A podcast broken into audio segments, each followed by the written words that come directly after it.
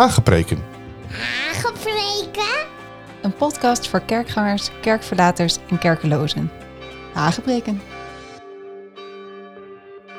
In een onzekere wereld waarin veranderingen elkaar versneld opvolgen en ons samenkomen, zingen en beleven steeds vaker onder druk komt, is een bijbelse koers houden een must en een kompas. Tuurlijk, het is jouw leven, het is jouw schip, maar de beste stuurlui, die hebben een loods. Mijn naam is Benaya en ik vaar graag een handje met je mee. Hi, leuk dat je weer luistert naar Hagepreken. Als je net aanhaakt, we zitten in een serie over eh, geestelijke groei naar het beeld van Christus. En bekijken erin wat we kunnen verwachten in elk groeistadium van ons geestelijk leven. En in de vorige aflevering hebben we al flink wat uh, parallellen gezien met de natuurlijke ontwikkeling die wij als mens meemaken. En zo leren we al een aantal dingen over baby's, dat ze in de eerste levensstadium vooral basisdingen nodig hebben. Die we allemaal wel een beetje herkennen als we dat weer door extrapoleren naar onze geestelijke groei. We hebben gezien dat een uh, baby heeft uh, natuurlijk, als hij ter wereld komt, allereerst lucht nodig. Gaat hij huilen, zijn zijn longen vol. Symboliek voor de geest van God die ons levend maakt in Christus. Misschien ook wel door huilen, een stukje berouw. Uh, het tweede wat we hebben gezien is dat hij warmte en geborgenheid nodig heeft van ouders. Geestelijk zou dat betekenen de acceptatie en liefde die een pasgeboren gelovige nodig heeft om op te groeien in Gods huisgezin. En dan natuurlijk de onmisbare moedermelk, waardoor je groeit dat is het woord van God, wordt ook door het woord zo betiteld. In kleine, behapbare teugjes van degene die je binnenbracht in Gods koninkrijk. Leer je de gedachtegangen en de wegen van God kennen door zijn woord. We hebben gezien dat je ouders nodig hebt die zorgen dat je veilig bent en ook veilig blijft. Dat heeft een kind nodig. Ouders die voor hem waken. En geestelijk heb je ook mensen nodig die voor je bidden en op de bres staan en je in bescherming nemen als er een heftige geestelijke strijd in en om je leven gaande is. Vooral in die eerste tijd. En dan natuurlijk de klassieke drie R's: hè, rust, reinheid en regelmaat. Wat zoveel wil zeggen als een plek om te groeien op je eigen tempo. Iemand die je leert je oude patronen af te leggen. Een zekere mate van voorspelbaarheid om niet een shock-effect te creëren, maar gewoon op tijd te worden voorzien van wat je geestelijk nodig hebt. Of dit nu de omgang met medegelovigen is, of voeding of bemoediging, dat soort dingen. Nou, daarin zie je heel veel parallellen met het babystadium. Nou, en vorige week hebben we al gekeken naar kinderen op basis van de tekst die we in deze serie als springplank gebruiken, uit, uh, uit 1 Johannes. Ik zal hem nu even niet herhalen. Maar daarin benadrukt Paulus het belang van liefde en vergeving ten aanzien van kinderen. Liefde omdat dit vrees uitdrijft en vergeving omdat het hoop geeft op een toekomst die beter is als waar je vandaan kwam. En meer nog dan dat, een kind heeft zekerheid nodig. Zekerheid dat het fouten mag maken. En de geestelijke parallellen daarin spreken bijna voor zich. Hè. En ook geestelijk moet je weten, al het oude is voorbij gegaan, het nieuwe is gekomen. Je kan bij God opnieuw beginnen. Nou, verder leerden we dat kinderen naapen. Hè. Ze imiteren um, degene die hun dingen voorleeft. Nou, dat is aan de ene kant een kracht in het kader van discipelschap. Maar het is ook wel een beetje een manco als je geen consistent beeld voorleeft. En ook dat is een heel reëel geestelijk principe. Want zeg nu zelf, hoeveel mensen zijn er niet die van hun geloof zijn afgevallen? Wat ik altijd een beetje een aparte uitdrukking vind. Ik bedoel, zat je er naar bovenop dan? maar hoeveel mensen zijn niet van hun geloof afgevallen? Omdat een geestelijke leider, een dominee, een voorganger, een ouderling, een evangelist of iemand die ze respecteren, gewoon geestelijk als christen, dat hij een scheve schaats reed. Of een dubbelleven bleek te leiden. Of uit de slof schoot op een manier die, nou ja, mensen beschadigde. Nou, we komen hier later in de serie nog wel een keer op terug, als we het over vaderschap gaan hebben. Maar eh, daarin zie je ook, ja, kinderen apen na, eh, die, die imiteren. En dat is een goed iets, maar het kan ook tegen je werken. Nou, verder keken we naar het standaard ik-gerichte wereldbeeld van kinderen. Eveneens een kenmerk van, uh, van kinderen dat ze hun eigen leven centraal stellen. Nou, geestelijk stellen we natuurlijk Jezus centraal. Aan het begin van je leven met God, dan heb je Jezus ontdekt. Maar dan vaak wel in het licht van alles wat Hij voor jou heeft gedaan gaandeweg in onze groei naar volwassenheid moet dat veranderen. Je ziet heel vaak in liedjes tegenwoordig ook, misschien een beetje het teken van de tijd, dat heel veel liedjes gaan over mij, over wat God doet en wat God voor mij betekent, wat Hij mij voor gevoel geeft.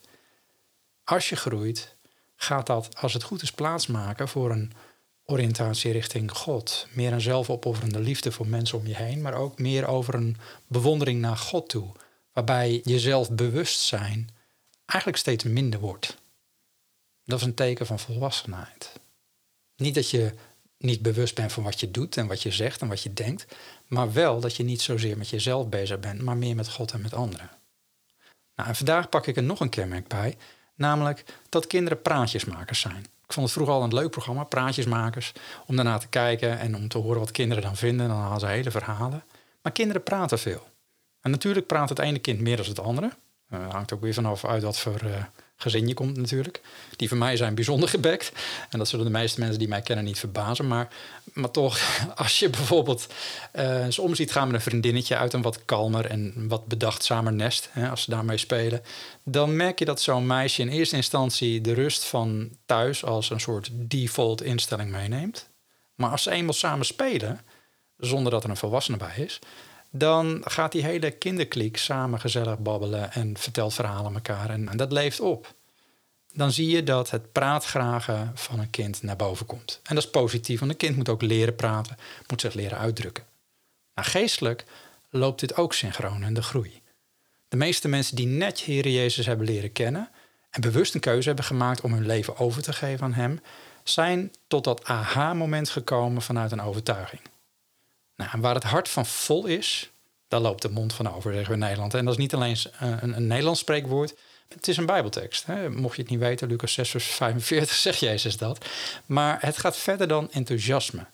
Kinderen praten veel en praten vaak, maar kinderen praten vaak ook ongepast.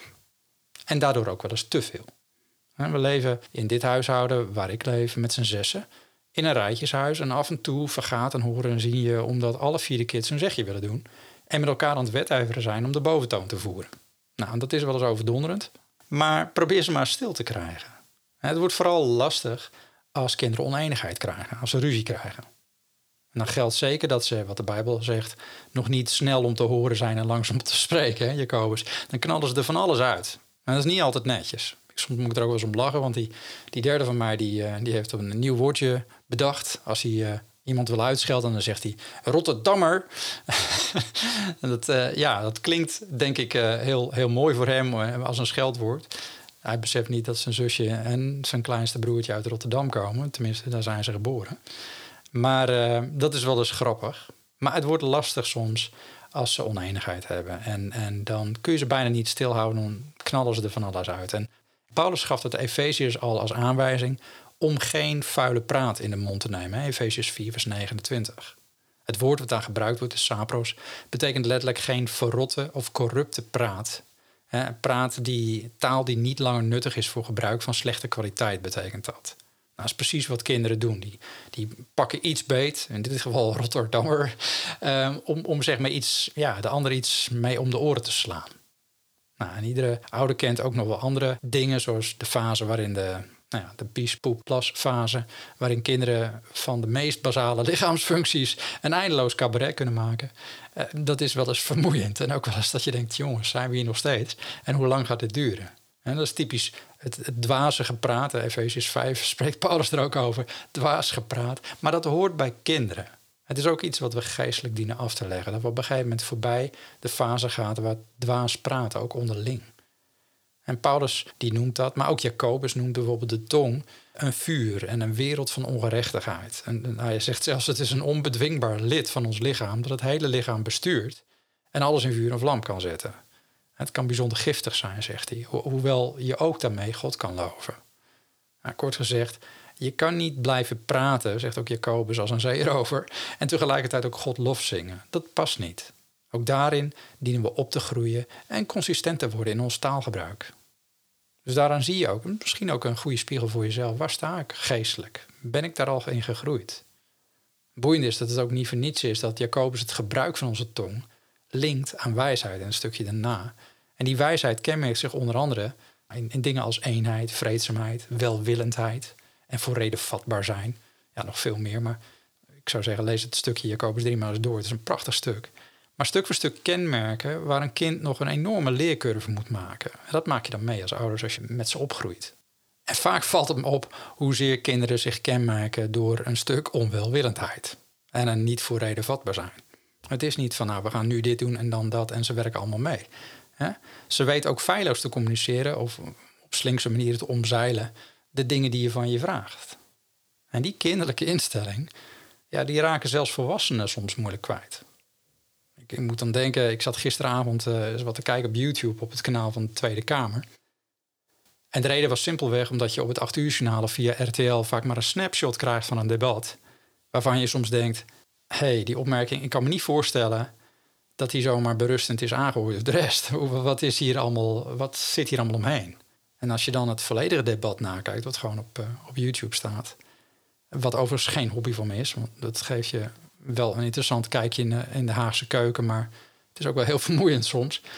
Dan word je bevestigd in het feit dat je denkt: man, wat een, wat een gekibbel. Oké, die opmerking hebben ze eruit gehaald, maar wat een, wat een gehakketak. Vreselijk. En dan bekruipt me wel eens de gedachte dat ik denk... jongens, doe nou alsjeblieft allemaal eens een keer volwassen. Je hebt, je hebt er ook bijna goed salaris voor ook nog eens een keer. Ik bedoel, gewoon luister naar elkaar. Eh, niet ondertussen ongeïnteresseerd zitten te appen. Dat valt me ook op. Die hele Tweede Kamer is aan het appen. En, en zeker niet je rug toekeren, wat echt een, ja, een soort uh, protest is tegenwoordig wat geaccepteerd is. Niet stigmatiseren, niet op de man spelen. Beantwoord gewoon de vraag die iemand stelt. En beantwoord hem als een vent geen smoesjes verzinnen of laat Duncan doen. Alsof je medekamerlid een soort obstinaat kind is in de klas. En dat zie je ook vaak doen, dat ze elkaar een beetje terechtwijzen met een sneer. Uh, gewoon volwassen, met elkaar omgaan. Ik zeg dat omdat het me hoog zit. Als ik dat aan zit te kijken, dan denk ik, dat zijn onze volksvertegenwoordigers notabene. Maar ja, vandaar dat ik misschien ook niet te veel politiek moet kijken, want het frustreert mij. Maar waarom begin ik hierover? Nou, als ik, als ik, die, als ik die politieke soap van tegenwoordig zie en, en, en dit plaats in het kader van geestelijke groei, dan zie ik een heleboel parallellen. En telkens weer verbaas ik me dan over hoezeer de politiek is meegegroeid met het gedrag wat je ook steeds meer om je heen ziet in de maatschappij. Het is gedrag dat allerminst getuigt van volwassenheid. Het is een soort, ja, hoe zou ik het zeggen, een soort déjà vu van het schoolplein. Het schoolplein van vroeger. Veel volwassenen vertonen nog steeds dat kindergedrag compleet met modder gooien, framing, de ander negeren. Of, gewoon stug doorpraten of redeneren. En nog net niet met de vingers in de oren van na, na, na, na, na, weet je dat? Of gewoon constant dezelfde dingen herhalen. Met dezelfde drogredenaties. Alsof de ander na genoeg verbale vuistslagen moet ons erkennen dan als, als winnaar of zo. Hoe, hoe zie je het? Echt schoolplein 2.0. Het verschil is dat de rol van de juf dan nu vervuld wordt door degene van wie we de sympathie nodig hebben, of misschien meerdere mensen, om te winnen. In het geval van de Tweede Kamer misschien de voorzitter. En we hopen bijval voor ons gelijk te krijgen en dus proberen we te overtuigen met onze kant van het verhaal. En het valt me op dat steeds meer de trend is dat we dat doen door emotionele argumenten op tafel te gooien. Net zoals kinderen dat doen. En dan moet je denken aan, aan argumenten als over hoe oneerlijk het was. En hoe, hoe gemeen die ander was, of hoe dom de ander was. Zolang wij maar gelijk krijgen. Dan hoef je niet eens in te gaan om waar het eigenlijk om draaide. Stef Bos die zong ooit een liedje van uh, Is dit nu later? En een van de zinnen daarin is... We spelen nog verstoppertje, maar niet meer op het plein. En ik denk dat hij daarmee de vinger op de zere plek legt. Want wat doe je als je geen verantwoording wil afleggen van je woorden of je daden als volwassene? Je draait eromheen. Nog steeds. Net als een kind. En helaas leert de hedendaagse politiek ons ook nog eens hoe je selectief verantwoording af kan leggen. Of hoe je lastige vragen kan pareren door logisch klinkende dooddoeners in de ring te gooien. Dingen als: het is niet wat je zegt, maar hoe je het zegt en wat het met anderen doet. Zo'n bekende zinsnijder die zo geaccepteerd wordt als waarheid, en als valide argument dat dit ervoor zorgt dat de reden voor het gezegde niet meer hoeft te worden beantwoord, maar dat alleen nog de beschadigde emotie telt.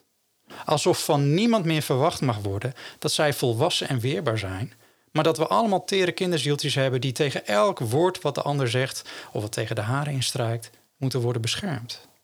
Maar wat nu als het wel gaat om wat je zegt? Ook al kwam het er knullig uit. Ik bedoel, kijkend naar geestelijke groei, naar het volwassen beeld van Christus. Wat doen wij als zonen en dochters in Gods familie als we een opmerking, een kanttekening of een vraag toegeworpen krijgen die er wel toe doet? Ongeacht hoe onbehouden die ook op ons afgevuurd wordt. Is het juist niet een kwaliteit, een, een karaktereigenschap van onze Hemelse Vader om te kunnen incasseren Juist om om te kunnen gaan met gekke en grove uitlatingen en daarachter te kunnen kijken.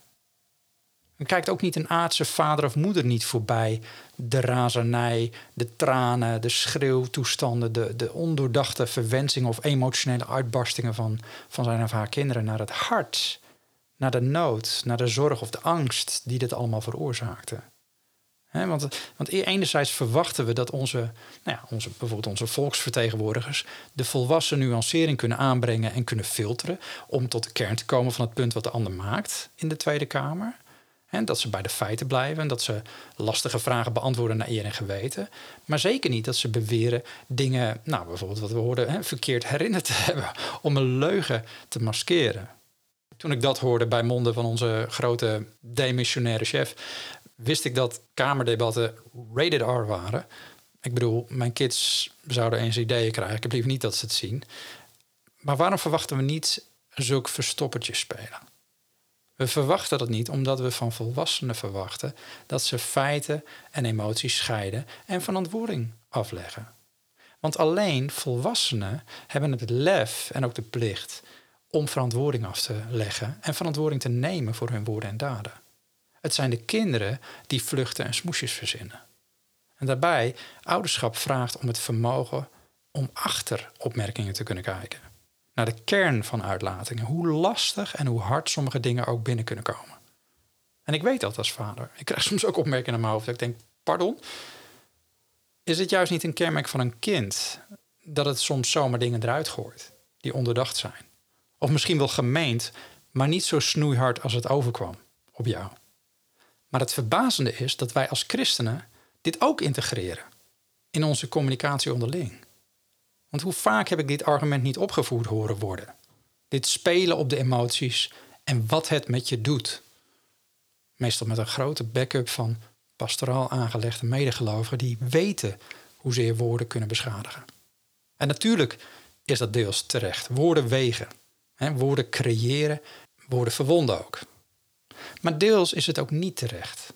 Want door strakke vragen en harde opmerkingen te pareren, opzij te stappen, door een emotionele kaart te trekken, vergeten we waarom zo'n opmerking überhaupt werd geplaatst. Vaak zijn we zelfs zo geraakt dat we onze eigen emoties subiet voorrang geven. Zouden we erop doorvragen, ja, dan zouden we er nog wel eens achter kunnen komen dat ook die strakke opmerking, die vlijmscherpe woorden, een emotionele voedingsboding zouden kunnen hebben. Misschien was de ander door ons optreden, onze houding of eigen woorden wel veel eerder geraakt. En daarbij, laten we dat ook niet vergeten, God zelf schuwt in de Bijbel niet om behoorlijk strakke opmerkingen en vragen te stellen. Ik verbaas me wel zo. Hij stelt vragen die snoeihard binnenkomen. Vragen als, nou ja, het begint al in Genesis. Waar ben je? Wat heb je gedaan? Adam en Eve, die beide de schuld direct afschuiven. Daar begint kinderlijk gedrag al. Maar ook naar Abraham toe, waarom lacht Sarah? Hard genoeg, zodat Sarah het hoort. Die Gods bewering dat zijn moeder zal worden feitelijk helemaal belachelijk vindt. En ze wordt er gewoon op geconfronteerd. Geen empathie naar van, jongen, die vrouw die heeft al 80 jaar geleden onder het feit dat ze kinderloos was. Het is misschien ook wel logisch dat ze zo reageert. Zit er niet bij. En ook naar Mozes, die niet terug wil gaan naar Egypte. Die smoesjes maakt. Wie heeft je mond gemaakt? Snoeihard. Niet inlevingsvermogen. Ik snap het, Mozes, dat je ja, je aarzeling hebt. Je hebt ook een ruige tijd gehad. Maar ik wil echt dat je gaat. Nee, hij gooit het hem gewoon voor de voeten. En natuurlijk ook, uh, wat doe je hier, Elia? Dat lezen we in Koningen. Elia die zijn profetentaak verzaakt in feite, op de vlucht is, suïcidale gedachten en neigingen heeft. Ah, niet heel erg begripvol van God. Of de, of de meest imponerende is wel de godsverwijtende vraag aan Job. Iemand die we duidelijk als slachtoffer zien en dus subiet onze empathie krijgt. Dat hij op een gegeven moment zegt, in Job 38, om God nu als een man uw heupen, dan zal ik u ondervragen. Maak mij eens bekend. Waar was jij toen ik de aarde grond vestte? Zeg het dan, als je echt inzicht hebt. Nou, geen christen zou het in zijn hoofd halen om God dan voor de voeten te gooien. Nou, het is niet zozeer wat u zei, maar het is meer de manier waarop u het zei. God liet het daarvoor nog donderen uit de hemel. Ja, letterlijk, hè? Uh, lees het vers ervoor maar eens. Het staat buiten kijf. God had Job hoog zitten. Hij zag hem als een man die vasthoudend was in rechtvaardigheid en in het wijken van het kwaad. En zo sprak hij ook over hem. Maar hij vraagt hem wel om zich te gedragen als een vent. Als iemand die verantwoordelijkheid neemt. En niet iemand die zichzelf in het centrum zet als een kind en anderen beschuldigt, inclusief God. Hij zag Job voor aan. Hij zag Job aan als iemand die zijn eigen broek op kon houden. Ja, dat staat er letterlijk. Omgord nu als een man uw heupen. Modern vertaald, ga er staan als iemand die zijn eigen broek op kan houden. Ondertussen zien we tegenstelden in onze maatschappij. Een maatschappij waar de politiek in die zin wel een afspiegeling van is. We verzanden steeds meer in het reageren en redeneren als kinderen. Met alle emoties en tranen van dien. En de debatsfeer in de Tweede Kamer laat het zien. De maatschappij om ons heen ook. In tegenstelling tot wat Paulus zei in 1 Korinthe 13. Toen ik een kind was, sprak ik als een kind, dacht ik als een kind, overlegde ik als een kind. Maar nu ik een man geworden ben, heb ik het kinderlijke teniet gedaan. Zie je vandaag de dag dat mensen niet hun kindertijd ontgroeien, maar lijken te vervallen in kinderlijke patronen? Of is dat een opmerking waar je zegt, nou ja, nu zit je wel heel veel mensen te kijken? Is het niet wat korter de bocht? Maar ik denk het niet. Ik denk niet dat het korter de bocht is. Omdat de Bijbel ons leert dat dit een teken is van de laatste dagen. Mensen zullen steeds minder gezonde, verantwoordelijke volwassenen kenmerken tonen. Paulus waarschuwt ons hiervoor. Hij noemt een aantal hele duidelijke kinderlijke gedragingen in 2 Timotheus 3 als hij zegt: Weet dat dit in de laatste dagen zware tijden zullen aanbreken. Want de mensen zullen liefhebbers zijn van zichzelf.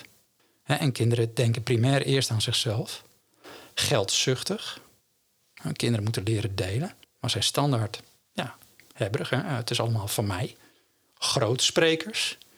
Kinderen kunnen opscheppen of de helft erbij verzinnen van wat waar is, of zichzelf te hoog inschatten. Maar hij noemt ook hun ouders ongehoorzaam aan zijn bekende.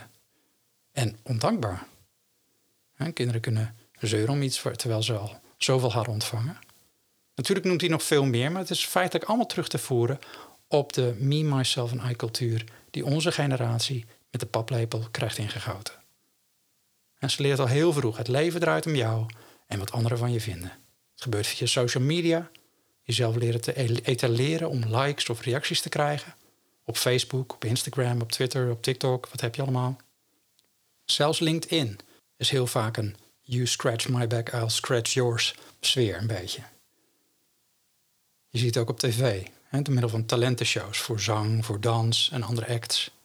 Maar ook reality-programma's waarin de helft van de zendtijd tegenwoordig wordt gevuld met het in kaart brengen van gevoelens gevoelens van de kandidaten. Zo van, toen ik hem voor eerst zag, dacht ik wel... of nadat zij die opmerking maakte, dacht ik echt...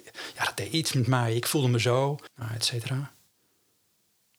Vorige week hebben we hier al eventjes bij stilgestaan. Het egocentrische wereldbeeld, wat kinderen eigen is... maar wat gaandeweg moet worden afgelegd. Simpelweg omdat je anders niet gezond kan doorgroeien naar volwassenheid. En in een wereld waarin je verantwoordelijkheid op je moet gaan nemen. Je kan niet altijd je ding doen als je eenmaal de volwassen leeftijd bereikt. Als je aan het werk gaat, in iemands bedrijf, zou je verantwoordelijkheid moeten afleggen. En ook al begin je voor jezelf, dan nog zou je verantwoordelijkheid moeten afleggen aan de Belastingdienst. Ook een relatie kan je niet ik-gericht instappen. Dan help je het binnen no time onzeep. Alleen als je het vermogen hebt om jezelf weg te cijferen en je leert om niet altijd je zin te krijgen, niet altijd gelijk te krijgen, leert te delen en compromissen te sluiten, soms door je eigen gevoelige verlangens te parkeren, dan kan een relatie de toets van de tijd doorstaan. Nou, dat geldt ook voor kinderen krijgen, het grootbrengen, tal van andere zaken.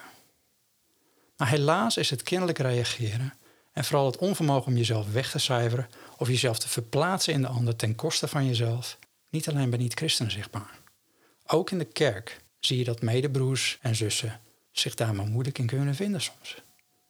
Zelfs kerkleiders zie je soms kinderlijke gedragingen vertonen die ver voorbij hun geestelijke leeftijd gaan.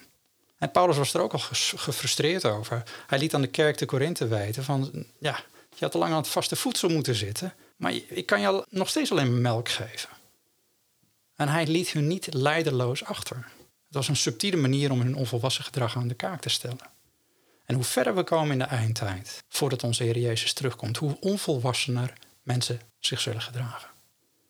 Daarom is het goed om in het kader van geestelijke groei naar het beeld van Christus onszelf met regelmaat de spiegel voor te houden. Hoe staan we ervoor? Zijn we al gegroeid in ons spreken en denken? Of moeten we bepaalde dingen nog afleggen die niet meer passen bij de geestelijke leeftijd die we hebben? Melk is oké als we kind zijn. Jip en Janneke taal ook. Maar daar blijven we niet. Nou, voor sommigen van jullie die nu luisteren, zal het allemaal nieuw zijn. Misschien heb je de Heer Jezus net leren kennen. Dan is dit de tijd om lekker rustig te genieten. En zijn geborgenheid en zorg die je ervaart van je broers en zussen in het geloof om je heen, gewoon tot je te nemen. Maak je geen zorgen. God zorgt voor je en je mag groeien op jouw tempo. Je mag dingen ontdekken. Je mag fouten maken. Voor anderen die naar deze podcast luisteren, is het een heads-up. Een aanmoediging om eens terug te kijken. Door jezelf eens misschien tegen de groeimeter aan de muur te houden. En te kijken of je na al die extra centimeters niet een beetje te groot bent voor sommige manieren van denken, doen of spreken. Ooit kreeg ik zelf een vermaning en daar sluit ik mee af.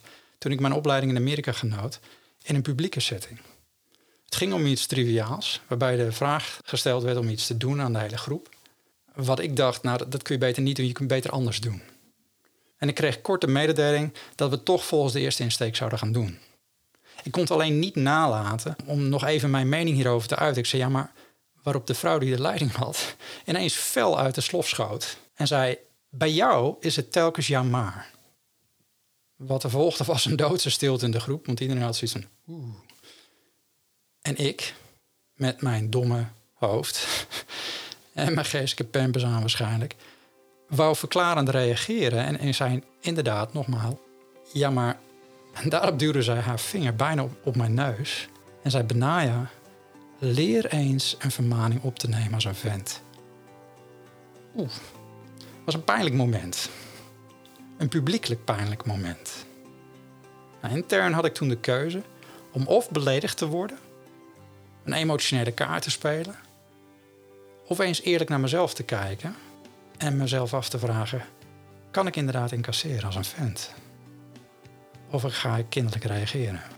En eerlijk gezegd schrok ik van mezelf toen ik mezelf in de spiegel keek en daarop ging letten hoe vaak ik dat ja maar toepaste.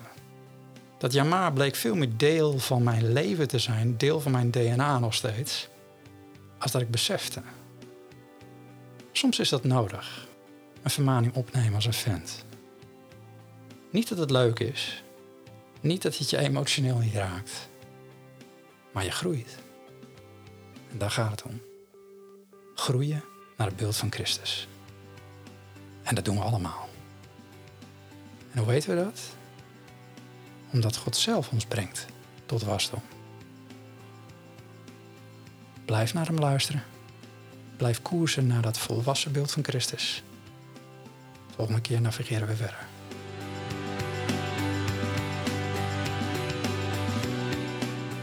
Voor vragen, opmerkingen of aanvullingen? Mail naar podcast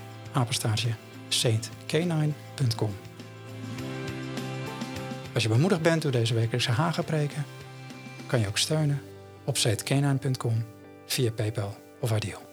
Dankjewel.